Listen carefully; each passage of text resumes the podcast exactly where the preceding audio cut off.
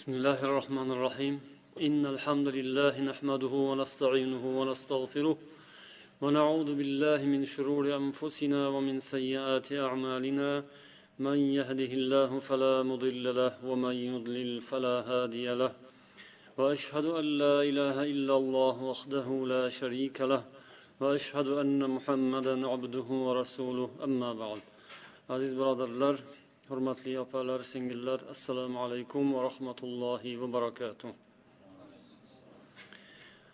Biz o'tgan safargi suhbatimizda inson uchun ulug' xislatlardan biri bo'lgan ar rohma ya'ni mehribonlik sifati haqida suhbatlashdik. Bugun yana mana shu mavzuni davom ettiramiz.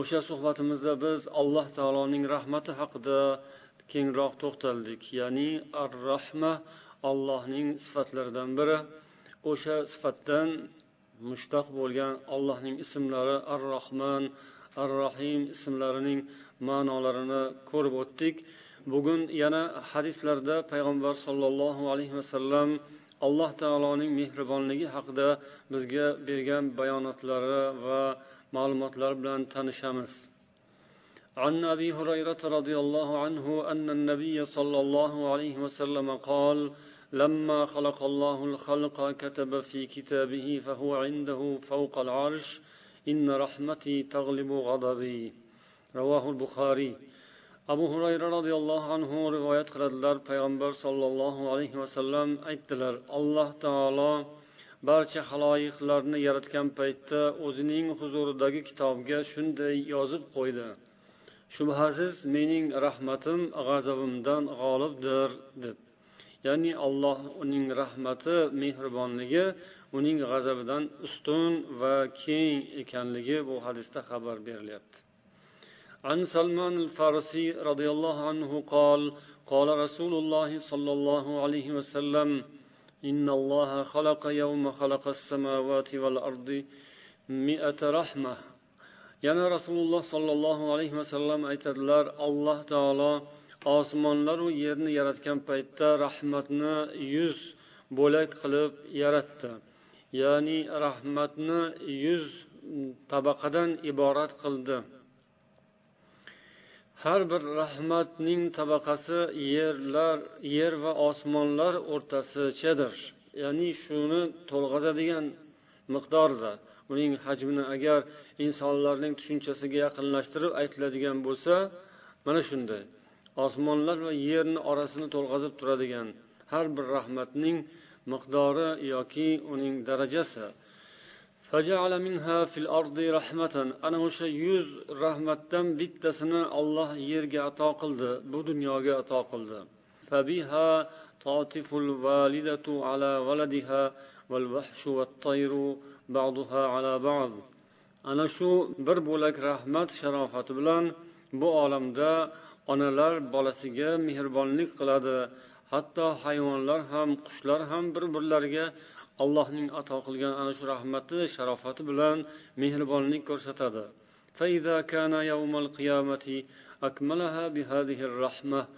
Alloh qiyomat kuni bo'lganda ana shu rahmat bilan o'zining huzuridagini qo'shib komil qilib mo'minlarga bandalarga muomala qiladi.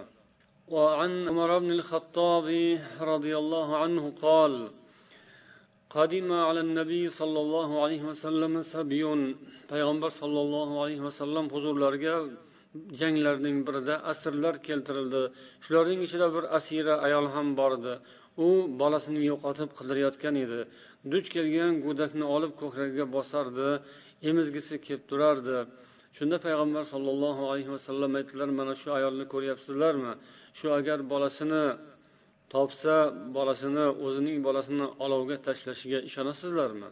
deb so'radilar. Yo'q yo'q deyishdi sahobalar. Aslo. Mana shu ayolning bolasiga ko'rsatayotgan mehribonligidan ham ko'ra allohning bandalariga ko'rsatadigan mehribonligi ortiqroqdir dedilar.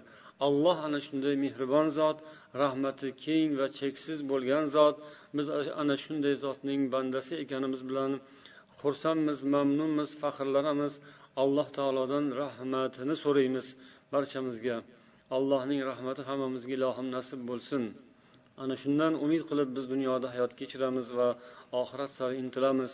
Allohning rahmati tufayli bu olam bor mavjud tiriklik hayot davom etadi va allohning rahmati bilan oxiratda jannatga kiramiz inshaalloh.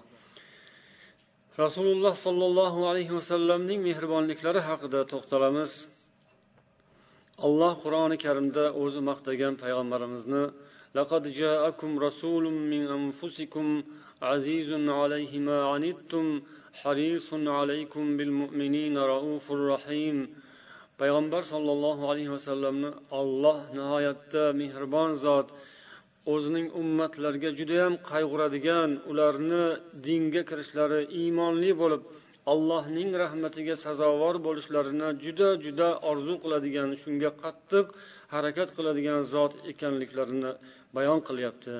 Mo'minlarga musulmonlarga bo'ladigan aziyatlardan ozor chekadigan musulmonlarni qiynalishlaridan u zot ham qattiq qiynaladigan mo'minlar musulmonlarning hidoyatlari mukammal bo'lishini dunyoda ham oxiratda ham allohning rahmatiga musharraf bo'lishlarini istaydigan shadidur rafati va rahmati bil mu'minin. Tafsirlarda shunday keltirishadi. Va huwa harisun ala hidoyatihim u muhammad odamlarni hidoyatiga judayam qattiq haris qattiq orzu qiladi. Dunyo va oxiratda holatlari yaxshi bo'lishini nihoyatda qattiq istaydi va shunga harakat qiladigan inson. Shadidur rafa juda ham mo'minlarga mehribon judayam rahmdil inson deb ta'riflagan. Olloh o'zi mehribon uning bizga yuborgan rasuli ham ana shunday mehribon va u zotlarni yaxshi ko'radigan odamlar ham shunday mehribon bo'lishadi. عن أبي موسى الأشعري رضي الله عنه كان رسول الله صلى الله عليه وسلم يسمي لنا نفسه أسماء abu muso ashariy aytadilar payg'ambar sollallohu alayhi vasallam bizga o'zlarining ismlari haqida aytardilar ana muhammad va ahmad deb o'zlarining ismlarini sanardilar shularning ichida val hashir va nabiyu tavbati va nabiyu rahmati derdilar ya'ni tavba payg'ambari va rahmat payg'ambari deb ta'riflardilar muslim rivoyatlari. Ya'ni tavba qilgan odamlarning tavbasi qabul bo'ladigan alloh ularning tavbasini qabul qiladigan payg'ambar ham ularning uzru ma'zurlarini qabul qiladigan kechiradigan va allohning rahmatiga sabab bo'ladigan payg'ambar. U kishining ummatlari ana shunday rahmat payg'ambarining ummati. وعن مالك بن الحويرث رضي الله عنه قال أتينا النبي صلى الله عليه وسلم ونحن شبابة متقاربون مالك بن الحويرث aytadilar biz yangi musulmon bo'lgan paytimizda payg'ambar sollallohu alayhi vasallam huzurlariga keldik bir necha yoshlar u kishining huzurlarida yigirma kun istiqomat qildik keyin payg'ambar alayhissalom bizni ahlimizni qoldirib kelgan qarindosh oilamizni sog'indi deb o'yladilar. Keyin so'radilar kimlar qoldi? Sizlarni kimlaringiz bor o'zingizning qishlog'ingizda? deb so'radilar. Biz aytib berdik. Payg'ambar sollallohu alayhi vasallam nihoyatda mehribon inson edilar. Keyin bizning holatimizdan o'zlari mushohada qilib ila ahlikum dedilar. Endi bo'ldi boringlar o'zinglarni vataninglarga. Oilanglarga ularni o'rgatinglar. Mana shu mandan ko'rgan bilgan narsangizni borib endi ahli ayolingizga oilangizga ta'lim bering o'rgating. Namoz vaqti bo'lsa ichingizdan bir odam azon aytsin yana bir odam imom bo'lib yoshingiz ulug'ingiz imom bo'lib namoz o'qingiz deb bizni uyimizga qaytarib yubordilar deb rivoyat qiladilar. Ya'ni payg'ambar sollallohu alayhi vasallam nabiyur rahma alloh taolo yuborgan dinni ham ummatlarga nihoyatda yengil qilib oson qilib yetkazishga harakat qilardilar. Insonlarning holatini rioya qilardilar. Ularni shartu sharoitlarini hisobga olgan holda iloji boricha ularga mashaqqat tug'dirmasdan yengillik bilan dinni o'rgatishga yetkazishga islom yo'lida yengillik osonlik bilan yurishga yordam beradilar shunga harakat qilardilar. عن عوف بن مالك الأشجعي رضي الله عنه قال payg'ambar sollallohu alayhi vasallam bir kuni bir janoza namozida ishtirok qildilar bir janoza bir mayitga janoza o'qidilar deb rivoyat qiladilar avf bin malik ashjaiy shunda bir necha duolarni o'qidilar o'sha duolarni man yodlab qoldim deydilar payg'ambar alayhissalom o'sha janozaga duo qilayotgan paytlarida allohim varhamhu ey allohim bunga buning gunohlarini kechirgin bunga o'zing rahm qilgin. Unga ofiyat omonlik nasib etgin gunohlarini e, yuvgin kechirgin. Borib tushadigan joyini chiroyli qilgin izzat ikromli qilgin. Kiradigan borib yotadigan go'rini keng qilgin. Uni gunohlarini suv qoru muz bilan yuvgin. Uning xatolarini xuddi oppoq kiyimni yuvganda pokiza qilib yuvganda oppoq bo'lgani kabi gunohlardan yuvib buning amalini uning o'zini shunday poklagin. Buning uyini bu ya'ni kelajakda oldida turgan oxirat uyini dunyo uyidan ko'ra yaxshirog'iga almashtirib bergin. Dunyoda qoldirayotgan ahlidan ko'ra yaxshiroq ahlni bunga nasib etgin. Dunyoda qoldirgan juftidan ham ko'ra yaxshiroq juftni unga ato qilgin. Ey olloh uni jannatga kirgizgin. Uni azobi qabrdan yoki yana bir rivoyatda do'zax azobidan ozod qilgin deb duo qildilar. Ya'ni ummatlariga tirikliklarida ummatlarining tirigiga qanday mehribon bo'lsalar o'liklariga ham o'shanday mehribon edilar. Mana bu duolarni agar taammul qiladigan bo'lsangiz olam olam ma'nolar bor va inson nihoyatda muhtoj bo'ladigan narsalarni rasululloh bilib bilib sanab shunday tafsilotlari bilan duo qildilar. Bu duoni eshitib turgan avf bin malik al ashjai aytadilarki bu duolarni eshitib eshitib turib shunday ich ichimdan orzu qilib mana shu o'lik man bo'lsam ekan deb orzu qildim shu rasulullohning duolari bo'layotgan mayit man bo'lmasmidim deb orzu qilib qoldim deydilar imom muslim rivoyatlari عن أبي بن كعب رضي الله عنه أنه قال إن أبا هريرة كان حريصا على أن يسأل رسول الله صلى الله عليه وسلم أو أبي بن كعب aytadilar abu hurayra roziyallohu anhu payg'ambar sollallohu alayhi vasallamdan bir narsa so'rashga doim savol so'rashga judayam haris bo'lib turardilar boshqalardan ham ko'ra bu kishi juda narsa so'rab ilm so'rab ilm olishga qattiq qiziqardilar فقال يا رسول الله ما أول ما رأيت في أمر النبوة bir kuni so'radilar abu hurayra yo rasululloh bu payg'ambarlik ishidan eng birinchi sizga namoyon bo'lgan narsa nima nima narsa eng birinchisi boshlanishi qanday bo'lgan shu payg'ambarligingizni boshlanishi deb so'radilar Shunda payg'ambar sollallohu alayhi vasallam yaxshilab o'tirib oldilar boshqatdan joylashib o'tirib oldilar va bu savolga javob berdilar. Ya'ni men o'sha yosh bola paytimda deydilar o'n yoshli mahalim edi.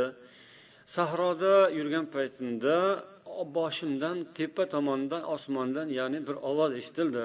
Qarasam ikkita odam bir biriga gapiryapti man shumi o'sha bola? Man shumi? deb bittasi ha shu deyapti. Keyin kelib mani ushlab shunday yotqizishdi. Ularni ko'rib hayratda qoldim. Judayam bir chiroyli odamlar. Hech umrimda bunday insonlar ko'rmaganman. Juda bir ajoyib ruhlar bunday haloy bunday mavjudotni ko'rmaganman. Judayam bir chiroyli kiyimda bunday kiyimni umrim bino bo'lib ko'rmaganman. Ular kelib meni shunday muloyimlik bilan yotqizdilar. Biron bir ta'sirlarini ozorlarini ham sezganim yo'q. Keyin menga hech bir zarar yetkazmasdan og'ritmasdan yotqizib meni keyin birlari ikkinchilariga aytdiki qornini yorgin ko'kragini yorgin deb aytdi. Ko'kragimni yordilar. Keyin yana aytdiki bittasi ahrijil g'illa val hasad buning ichidan g'il va hasadni chiqarib tashla deb buyurdi. Ikkinchisi qalbimdan bir parcha uyigan ivigan qonga o'xshagan narsani olib tashladi uloqtirib yubordi. Keyin yana aytishdiki endi uning o'rniga rafat va rahmatni joylab qo'y deyishdi. U xuddi ko'rinishdan oppoq kumushga o'xshagan narsani shunday ko'zimga shunday ko'rinib ketdi deydilar solib qo'ydi qalbimga joylab qo'ydi. Keyin o'ng oyog'imning bosh barmog'idan tortib shunday silkitib qo'ydi. Keyin aslim dedi bor endi ketavergin dedi.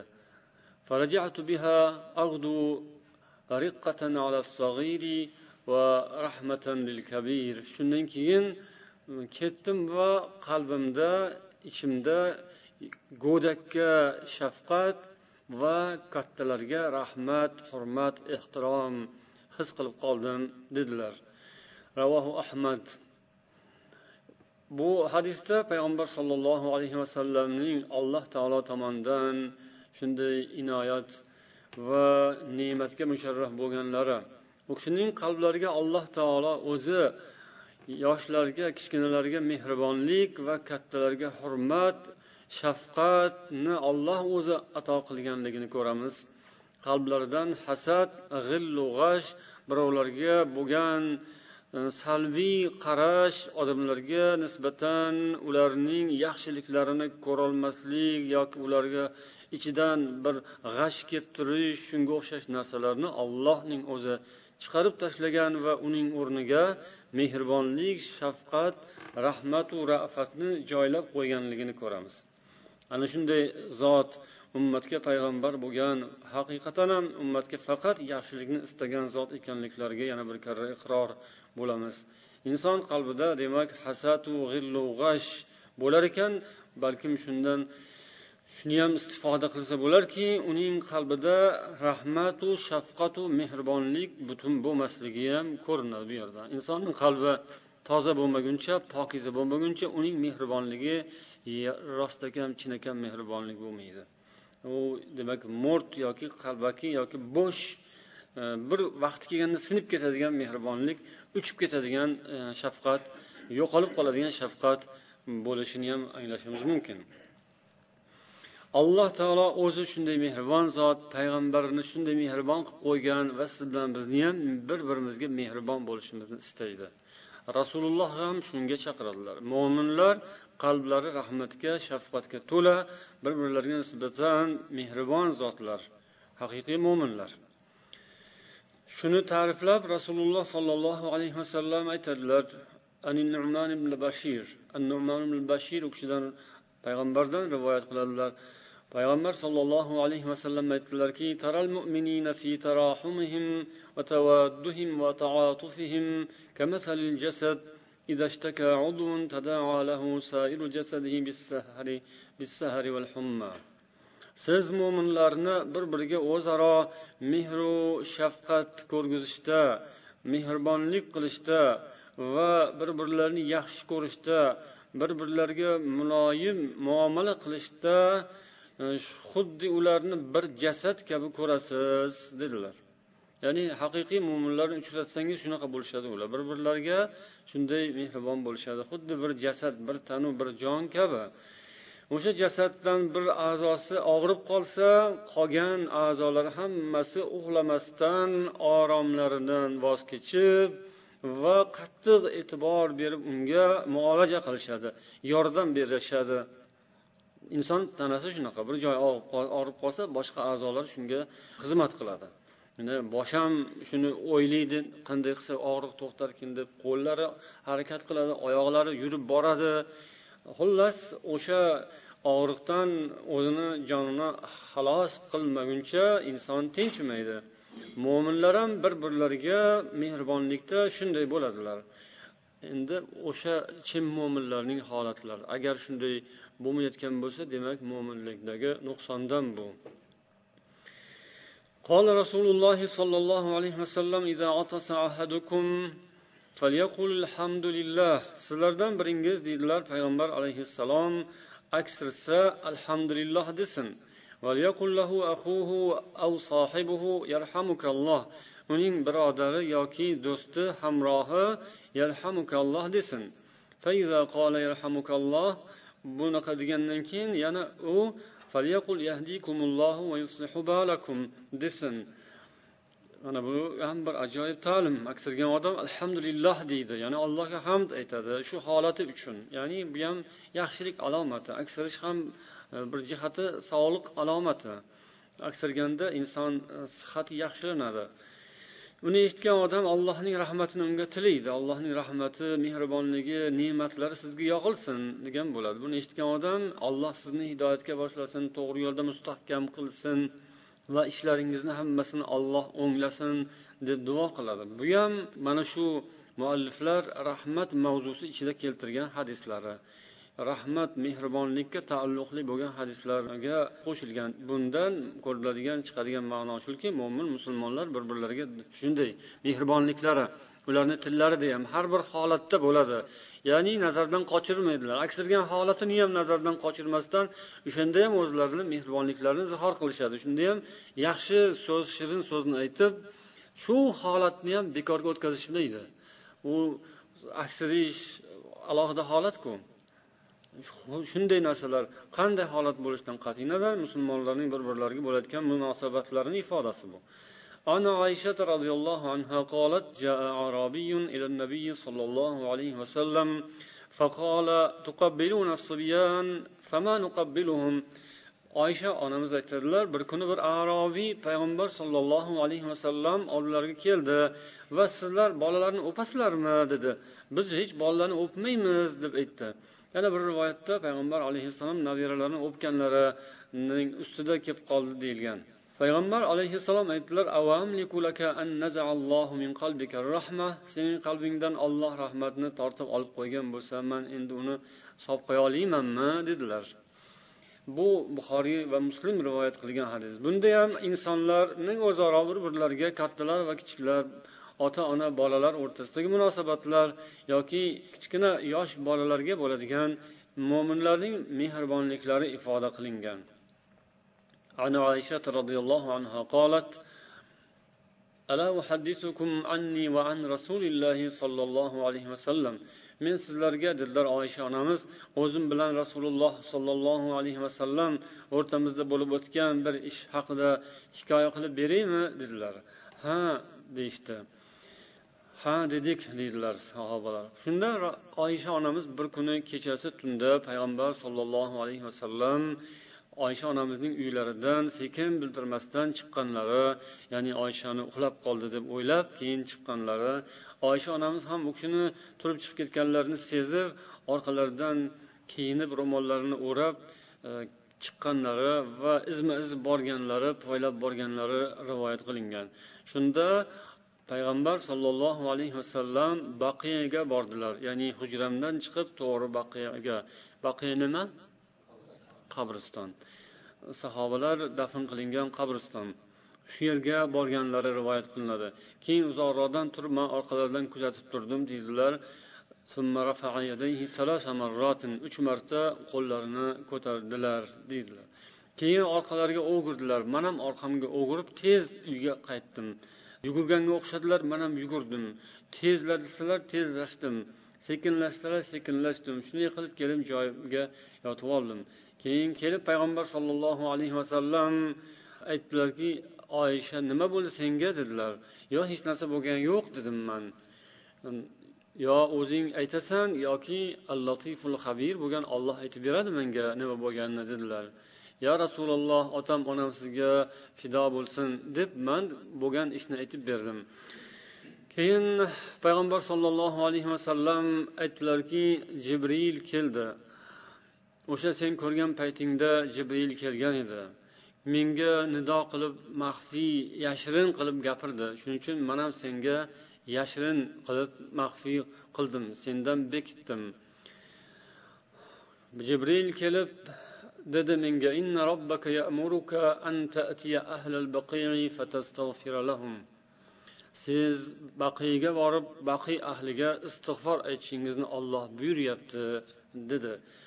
Shundan keyin man so'radim kayfa aqulu lahum ularning haqida nima deyishim kerak nima deb istig'for aytaman? deb so'radim.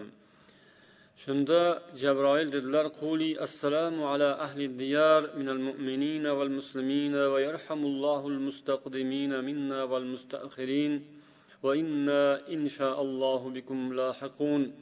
Mana shunday va inna inshaallohu bikum lalahiqun deb aytasiz deb o'rgatdilar jabroil alayhissalom. Ya'ni baqiy ahliga borib qabristonda yotgan insonlarning ustiga borib assalomu ala ahli diyor bu vatan ahliga salom bo'lsin. Mo'minlaru musulmonlardan shu yerda yotganlarga salom allohning salomi bo'lsin. Bizdan oldin ketganlaru keyin ketganlarning hammalariga alloh taolo rahmat qilsin rahmatini yog'dirsin. Biz inshaalloh albatta sizlarning ketingizdan yaqinda yetib borajakmiz deb aytishni buyurdi deb aytib berdilar ya'ni payg'ambar sollallohu alayhi vasallam hali yuqorida aytganimizdek ummatlarning o'ligiga ham tirigiga ham mehribon edilar. Mana qarang yarim tunda olam uxlab yotgan paytda hamma odamlar uyquga cho'mgan mahalda alloh jabroil alayhissalomni yuborib payg'ambarni uyg'otib buyurgan ish nima ekan? Yarim tunda uyqudan uyg'otib turg'izib mana uni qiling deb buyuriladigan ish oddiy ish bo'lmaydi. U judayam muhim ish bo'ladi. O'sha muhim ish nima ekan? Boring qabristonga borib o'sha yerda yotgan odamlarning haqqiga duo qiling. U duoni oddiy odamga emas payg'ambarga buyuryapti olloh o'sha payg'ambarning duolariga demak yotgan odamlar muhtoj. Marhumlar dunyodan o'tganlar tiriklarning duosiga muhtoj. Odamlar bir biriga mehribon bo'lishni shu dunyoda o'rganishlari kerak. Tiriklar bir birlariga mehribon bo'lsa keyin o'likka ham rahmlari keladi. Bo'lmasam o'lgan kunda yig'lab siqtab ko'mib keyin eslaridan chiqib ketadi. Inson bir biriga bu dunyoda ham muhtoj. Bu dunyodaku o'zining quvvati bor tan joni sog' paytida o'zining amali o'zining hojatlarini o'zi bitirib yurgan paytida birov yordam bermasa shunday holatda ham xafa bo'ladi qiynaladi. Odamzod bir birini yordamisiz hayot kechirib bo'lmaydi o'zi bu dunyoda. Kuch quvvatli pahlavon bo'lsa ham kimnidir yordamiga albatta muhtoj. Hech qayerda bahodir pahlavonlar hech kimga hojati tushmasdan yashagan emas yoki podshohlar ham hech kimga ehtiyoji yoki muhtojligi bo'lmasdan yashagan emas. O'sha podshoh bo'lsa ham xizmatkorga muhtoj bo'ladi oshpazga muhtoj bo'ladi yoki tabibga muhtoj bo'ladi. Shohu gado barobar bu dunyoda inson o'zini o'zi boshqarib turgan paytda muhtojligi o'zidan o'zgaga. Xuddi shunga o'xshab inson vafot bo'lgandan keyingi muhtojligi ham nihoyatda katta bo'ladi ortiq bo'ladi. Musulmon odamlar bir birlarini eslaridan chiqarmaydilar.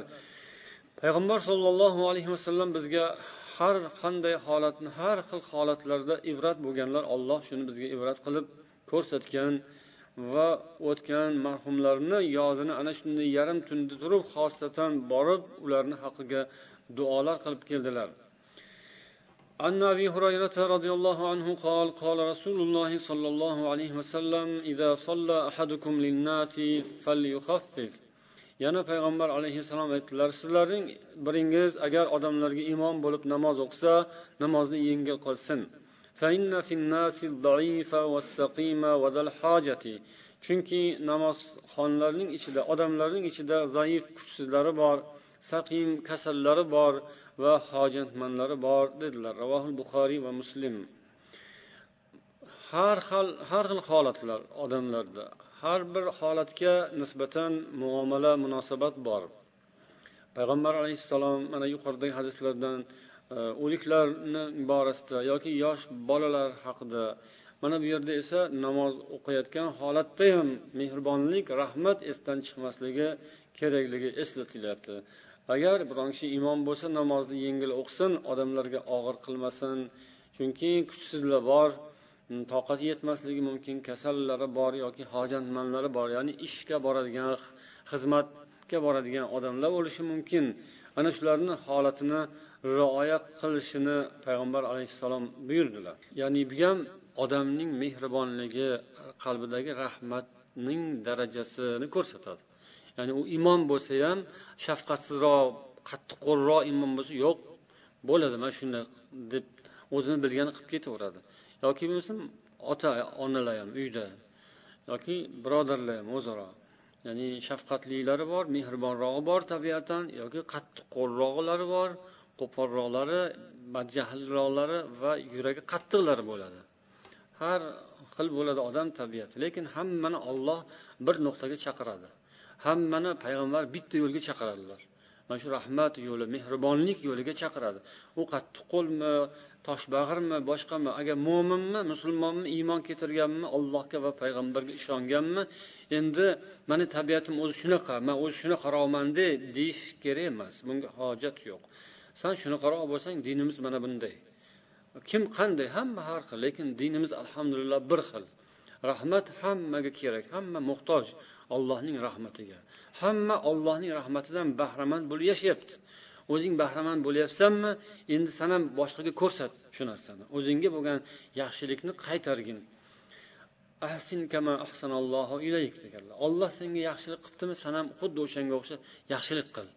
Shu ollohning mehribonligini ichida yashayapmiz. Allohning mehribonligi bo'lmaganda yashamasdik. Payg'ambarimizning mehribonliklari bo'lmaganda din kelmasdi bizgacha yetib kelmasdi. O'rtada shu qattiq qattiq qo'llarni o'zi yo'q qilib qo'ygan bo'lar yo to'xtatib qo'ygan bo'lar.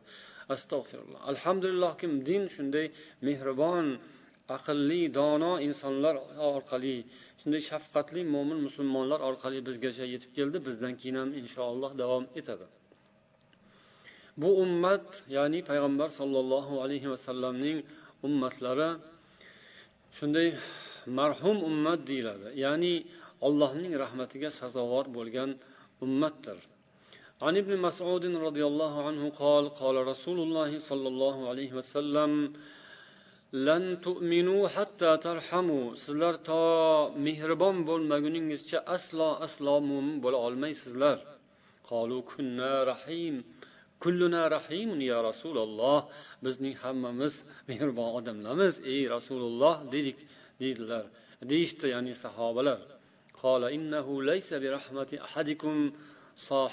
bu sizning biringiz ikkinchingiz o'zingizning sohibiga ya'ni qarindoshiga yaqin kishisiga qiladigan rahmati mehribonligi emas. Bu mehribonlik emas. Rahmatul amma.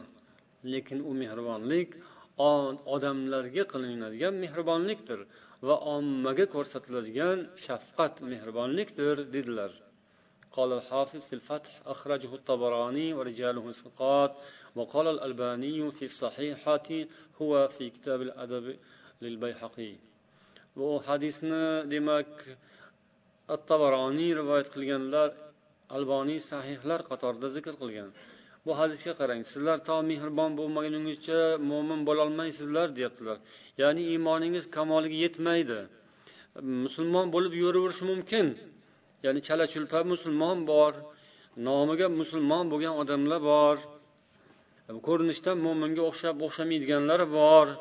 Lekin bizdan bizning maqsadimiz nima? Chin mo'min komil musulmon bo'lishga intilishimiz kerak.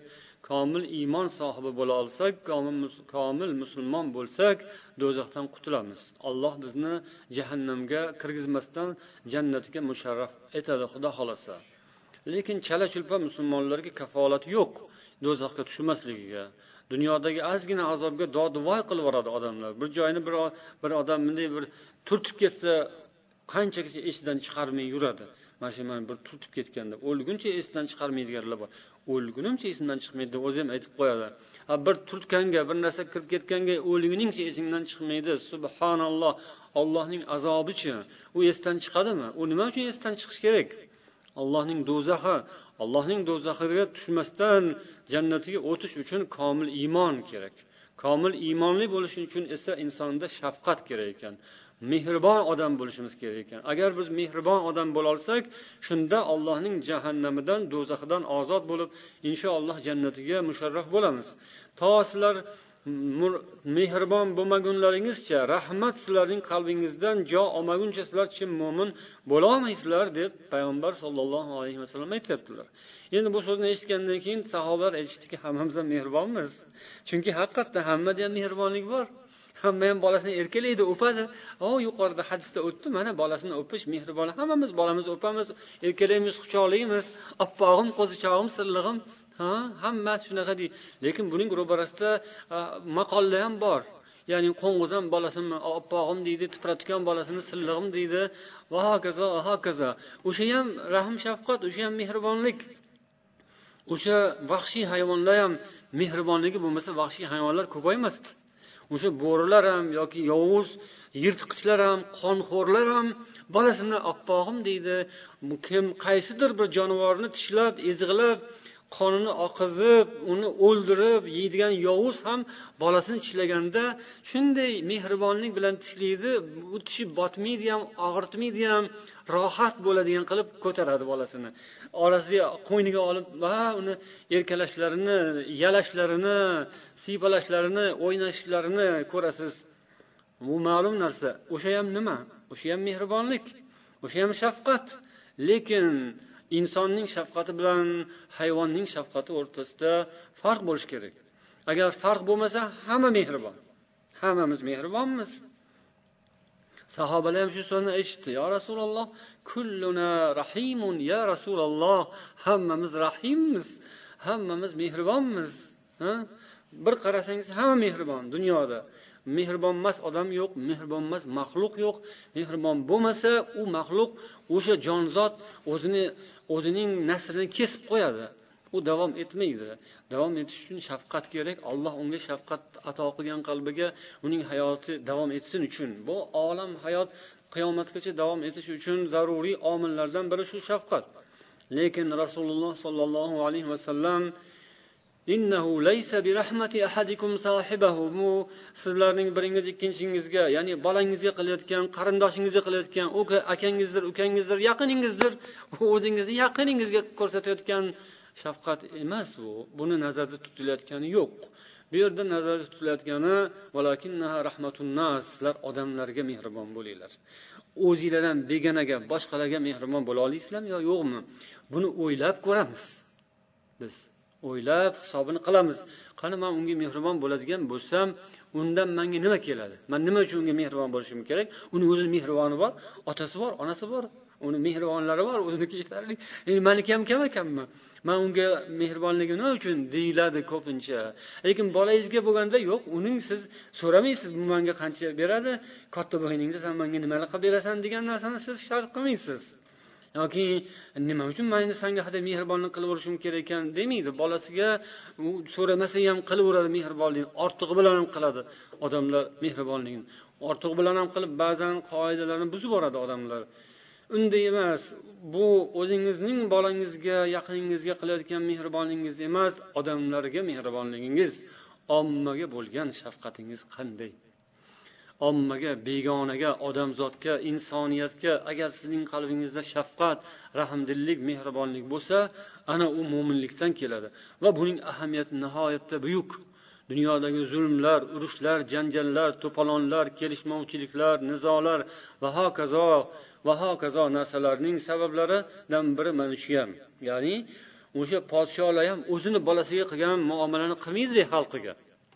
Yoki raislar yoki kattalar puldorlar amaldorlar milliarderlar o'zining go'daklari o'zining bolasiga alohida muomala qiladi. Ular ham podsholar ham o'zining oilasini hali o'lib ketgandan keyin ham himoya qiladigan qonunlarni chiqarib qo'yadi. Mabodo prezident o'lib qolsa uni xotiniga palon piston piston piston. U o'lsa bolasiga palonbisdan qo'yib bersangiz yetti pushtiga bo'lib bermoqchi davlatni. Sal endi uni ham yo buyoqdan hoy nima qilyapsan? deyayotganlar borda. O'shandan sal tortirib turmasa haligi to qiyomatgacha keladigan avlodiga chiqadigan himoya qiladigan qonunlarniyu ularga moshinalarniyu saroylarni qilib bergisi kelib qoladi.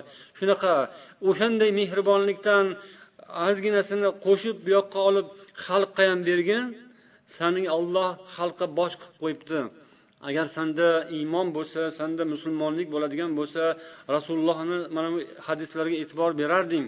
San agar xalqingga mehribon bo'lmasang san musulmon bo'lolmaysan san mo'min bo'lolmaysan degan narsani u inson o'ziga ham tadbiq qilardi. Agar ollohdan qo'rqsa va unda iymon bo'lsa. Xayr endi bu muammolar u yog'ini uzoqdagi uzoqroqdagi muammolar yechilishi qiyin bo'lgan muammolar lekin yechilishi oson bo'lganlari siz bilan bizning o'zimiz ichimizda.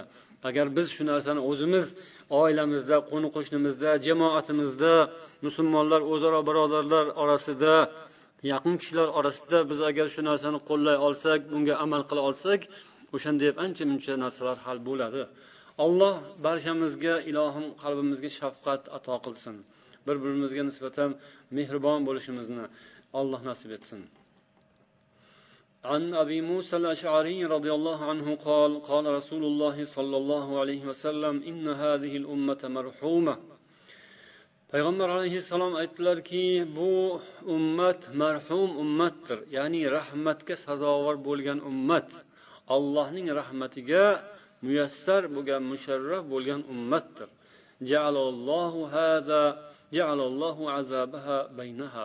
olloh buning bu ummatning azobini shuni orasida qilib qo'ygan.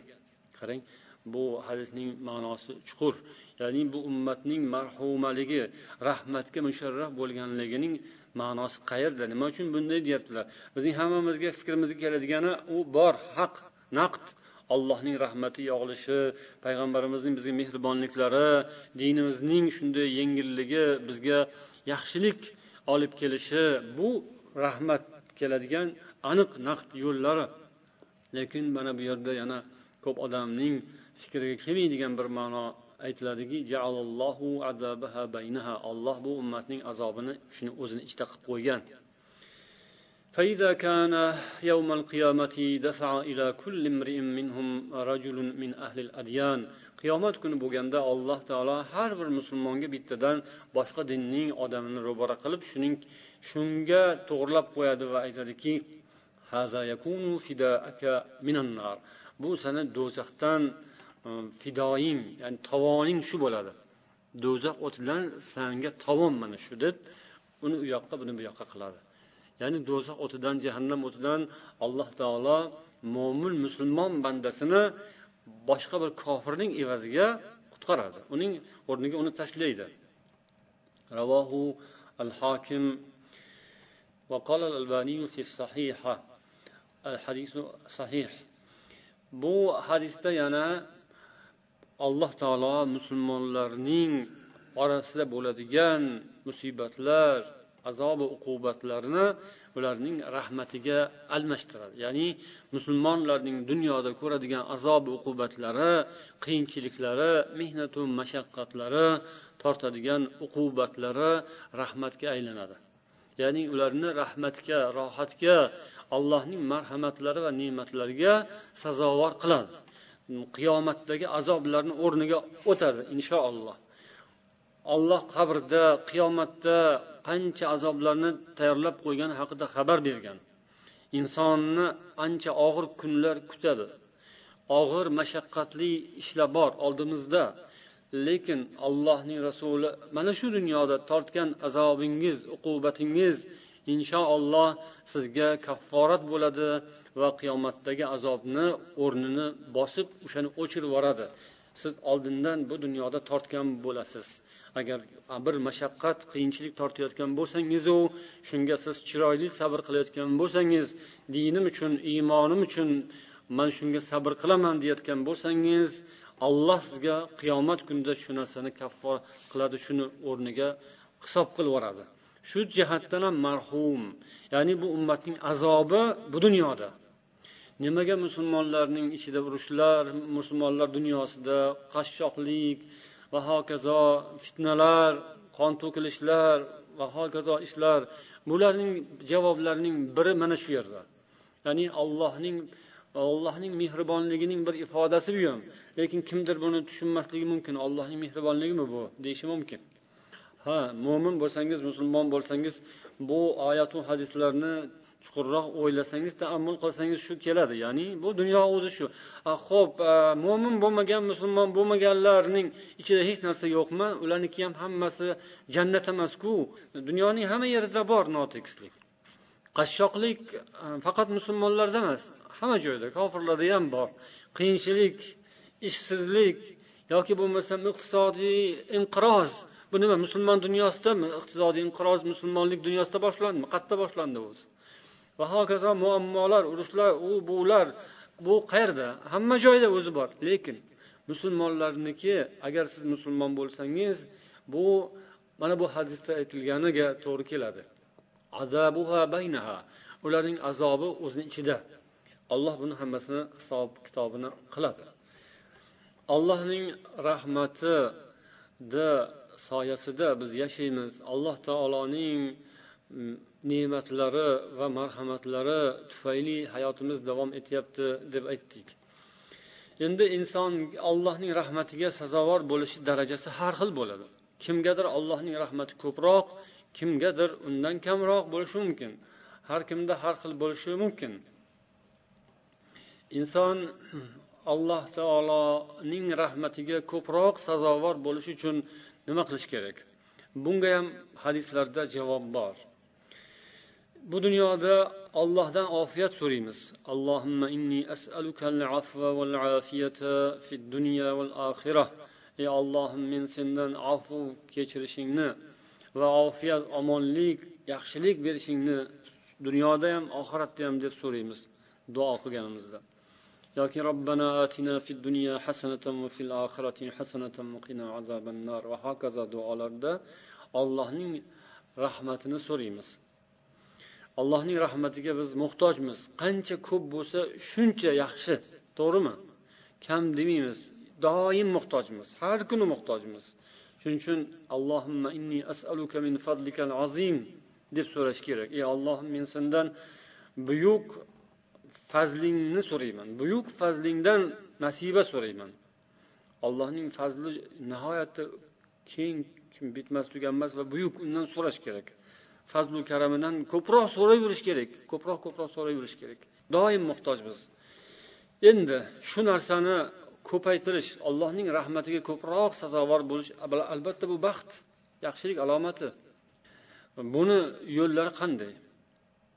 Biz mana allohning rahmatiga sazovor qiladigan amallarni agar ko'radigan bo'lsak payg'ambar sollallohu alayhi vasallam hadislarida keladi.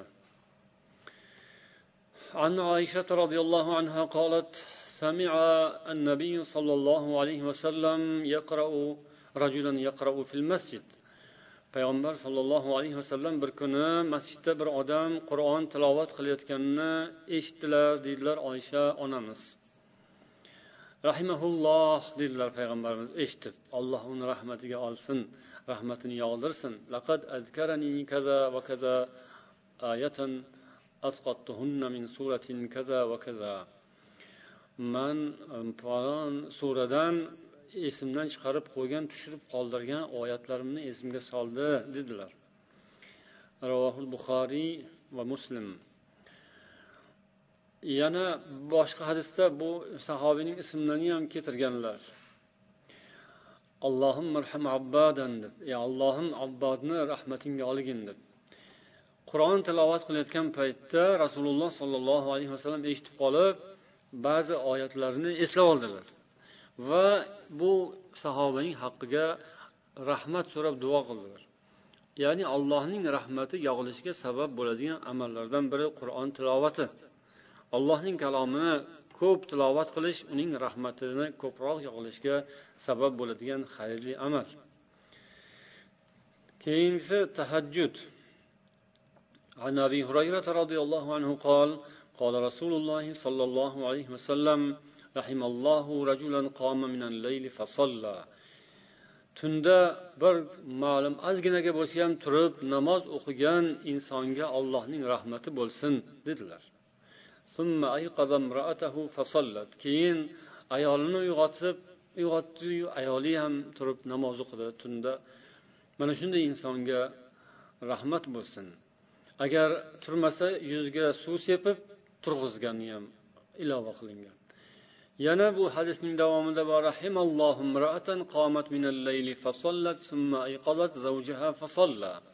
tunda o'rnidan turib tahajjud o'qigan ayolga allohning rahmati yog'ilsin. Erini ham uyg'otib u ham namoz o'qigan mana shunday ayolga allohning rahmati yog'ilsin. Agar turmasa yuziga suv sepib keyin u turib namoz o'qishdi. Bunga allohning rahmati yog'ilsin. Demak tunda hamma uxlab yotgan paytda uyqudan voz kechib o'rnidan turib namoz o'qish tahajjud o'qish alloh huzuriga ibodat qilib sajdaga bosh qo'yish allohning rahmatini yog'ilishiga ko'proq kelishiga sabab. Agar allohning marhamatlaridan ne'matlaridan ko'proq allohning mana shu ato qilayotgan rahmatidan davomiyroq foydalanaylik deydigan bo'lsak bu narsalarga e'tibor berishimiz kerak. Lekin odamlar bor besh mahal namoziga turg'azsa janjal qilib beradigan erkaklar bo'ladi. Yoki bo'lmasam turmasdan yalqovsirab yotaveradigan xotinlar bo'ladi. Besh mahal namoz u tundagi tahajjud namozi emas. Olloh buyurgan farz ibodatga vaqtida chiqmaydigan bu ba'zida shunday bo'lamiz. Vaqtida chiqa olmaymiz vaqtida tura olmaymiz. Subhanalloh alloh o'zi insof bersin isloh qilsin ishlarimizni ibodatlarimizni عن ابن عمر رضي الله عنهما قال قال رسول الله صلى الله عليه وسلم رحم الله امرأ صلى قبل العصر أربعا asr namozidan avval to'rt rakat nafl o'qigan insonga allohning rahmati yog'ilsin deb payg'ambar alayhissalom aytdilar nafl namozlar ya'ni u tungi namozlar alohida nafl namozlar peshin sunnat namozlardan tashqari mana asrdan avval o'qiladigan ikki rakat yoki to'rt rakat nafl mustahab namoz yoki haj amalida qilinadigan ishlardan. Payg'ambar sollallohu alayhi vasallam haj bajo qilingandan keyin rahimallohu muhalliqin deb duo qilganlar. Ya'ni sochini qirdirgan odamni olloh rahmatiga olsin. Ya'ni hajdan amallardan e, inson bo'shagandan keyin yo sochini olish yoki qisqartirish kerak bo'ladi. Shunda sochini tagi bilan olgan odamlarni rasululloh duo qildilar. Keyin qolu val muqassirina ya rasululloh qisqa qilganlarni ham deng yo rasululloh deyishdi. Yoki qisqa qilganlarni hammi deyishdi. Qola rahimallohu muhalliqin yana tegi bilan olganlarni olloh rahmatiga olsin dedilar. ya rasululloh qisqartirganlarni ham yo rasululloh deyishdi keyin yana rasululloh rahimallohu muhalliqin dedilar uch marta shunday aytdilar keyin to'rtinchisida val muqassirin dedilar ya'ni qisqartirganlarni ham dedilar yana allohning rahmatiga sazovor bo'ladigan ishlar yuqorida aytganimizning e, ta'kidi عن عبد الله بن عمرو بن العاص رضي الله عنهما قال قال رسول الله صلى الله عليه وسلم الراحمون يرحمهم الرحمن يرحموا أهل الأرض يرحمكم من في السماء rahmdillarni rahmon rahmdillarga rahmon rahm qiladi yerdagilarga rahm qilingiz osmondagi zot sizlarga rahm qiladi dedilar payg'ambar sollallohu alayhi vasallam Yerdagilar deganda hamma odamlar ham hayvonlar ham nabototu jamodotu hamma hammasi. Shu o'rinda aytib o'tishimiz kerakdir ya'ni hayvonlarga mehribonlik bu ham mehribonlikdan kelib chiqadi. Payg'ambar sollallohu alayhi vasallamdan rivoyat qilinadi u kishi aytadilarki har bir narsa ustida olloh ehson yozdi ya'ni ehson ni joriy qildi. Agar bir narsani o'ldirmoqchi bo'lsangiz ham uni qoidasi bilan ya'ni chiroyli o'ldiring. Agar bir narsani so'ymoqchi bo'lsangiz ham chiroyli so'ying. Sizlarni biringiz agar hayvon so'ymoqchi bo'lsa tig'ini o'tkir qilsin. Va o'sha so'yadigan hayvoniga rohat baxsh etsin. Qanaqa qilib rohat baxsh etib bo'ladi? Uni so'yasa rohat bo'ladi. Ba'zi qonunlarda so'yish jinoyat. Uni so'ysang azoblaysan deb uni to'kta urib o'ldirgin deydi. Yoki boshiga bolta bilan urib o'ldirish kerak. Yoki bir bigiz sanchib o'ldirish kerak. Yoki bu qornigami yuragami bir narsani tig'ini tiqib o'ldirish kerak. Ana u unda unda azob emas. Unda balkim u aytar ya'ni mana shu mehribonlik shu rohatdir balkim. Lekin rasululloh sollallohu alayhi vasallam e, tig'ini o'tkir qilib keyin u zabihangga rohat baxsh etgin. Ya'ni uni qiynamagin deganlari. Qiynamasdan o'ldirgin ya'ni so'ygin zabih qilgin. Albatta azob bo'ladi uni tomog'ini kesganda rohat qilmaydi. Lekin boshqacha o'ldirish uslublariga qaraganda bu rohat. Ya'ni u birontasi astag'firulloh to'kda o'lib ko'rmagan. U to'kda o'ldirsa osonroq o'ladi tezroq o'ladi deb. Yoki bo'lmasam boshiga bir narsani urib o'ldirsa osonroq o'ladi yengil o'ladi deb bu narsa taxmin hammasi. Lekin hech kim uni hech qaysinisi o'zida tajriba qilib o'tkazmaganku. U boshiga bolg'a bilan urib o'ldirilgan hayvon gapirmaydiku. O'zining kechinmalarini hikoya qilib bermaganku. Qayerdan biladi ollohu rasul biladi. Ularniki bilgani bilgan haqiqiysi. Shuning uchun rasululloh aytadilar ya'ni hayvon zabh qilishning qoidasi shunday. O'tkir qilib tortganda tez qiynamasdan demak hayvonni zabh qilish kerak o'ldirish kerak. Ya'ni uni so'yish. Bu ham islomning rahmati taqozosidan. Inson hayvonlarga mehribonligining chegarasi shunday bo'ladi ya'ni halol hayvonlarni zabh qilishda. Lekin boshqa hayvonlarga o'zining haqqini berishda bo'ladi. Buning misoli buxoriy rivoyat qilgan muslim rivoyat qilgan mana bu hadis. عن أبي هريرة رضي الله عنه أنه قال قال رسول الله صلى الله عليه وسلم بينما كلب يطيف payg'ambar sollallohu alayhi vasallam aytadilar bir it tashnalikdan azob chekib qiynalayotgan mahalda bir fohisha ayol uni ko'rib qoldi banu isroildan bo'lgan bir ayol va o'zining mahsisini yechib o'shanga suv to'lg'azib ya'ni bir rivoyatda chuqurlikda edi it tushib e, ololmaydigan mm, joyda edi. Suv ayol o'zi tashna bo'lib turgan ayol shu suvdan ichib tashnaligini qondirgandan keyin haligi itni ko'rib itga rahmi kelgan keyin o'zining kafshini yoki oyoq kiyimini yechib tushib suv olib chiqib itni sug'organ nega rivoyat qilinadi va mana shunda mm, alloh taolo u ayolni mag'firatiga oldi. It duo qildi olloh shu tufayli uning gunohlarini kechirdi degan rivoyatlar ham kelgan. Ya'ni o'sha hayvonga bo'lgan u ham bir jon egasi jonivor. Uning ham og'riydigan joni bor. Uning ham rohatlanadigan nafsi bor. Insonnikiga o'xshaydi shu jihatdan olganda. Insonning ham joni og'riydi yoki tashna bo'lsa nafsi og'riydi. Uni qondirsa suv bersa tashnaligi qonadi rohat qiladi.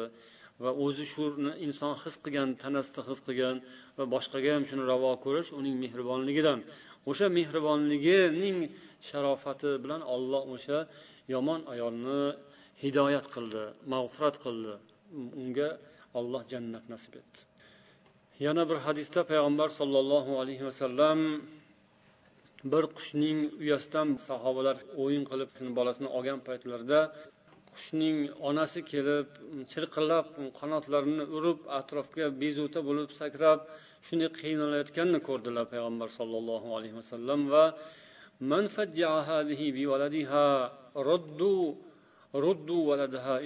dedilar. Buni kim bolasini tortib oldi? Kim buni qiynayapti? Bolasini o'ziga qaytaringlar deb buyurdilar. Payg'ambar sollallohu alayhi vasallam insonlarni shunday hayvonlarga ham qushlarga ham mehribon bo'lishlarini buyurganlar. Mo'min musulmon odamlar ana shunday.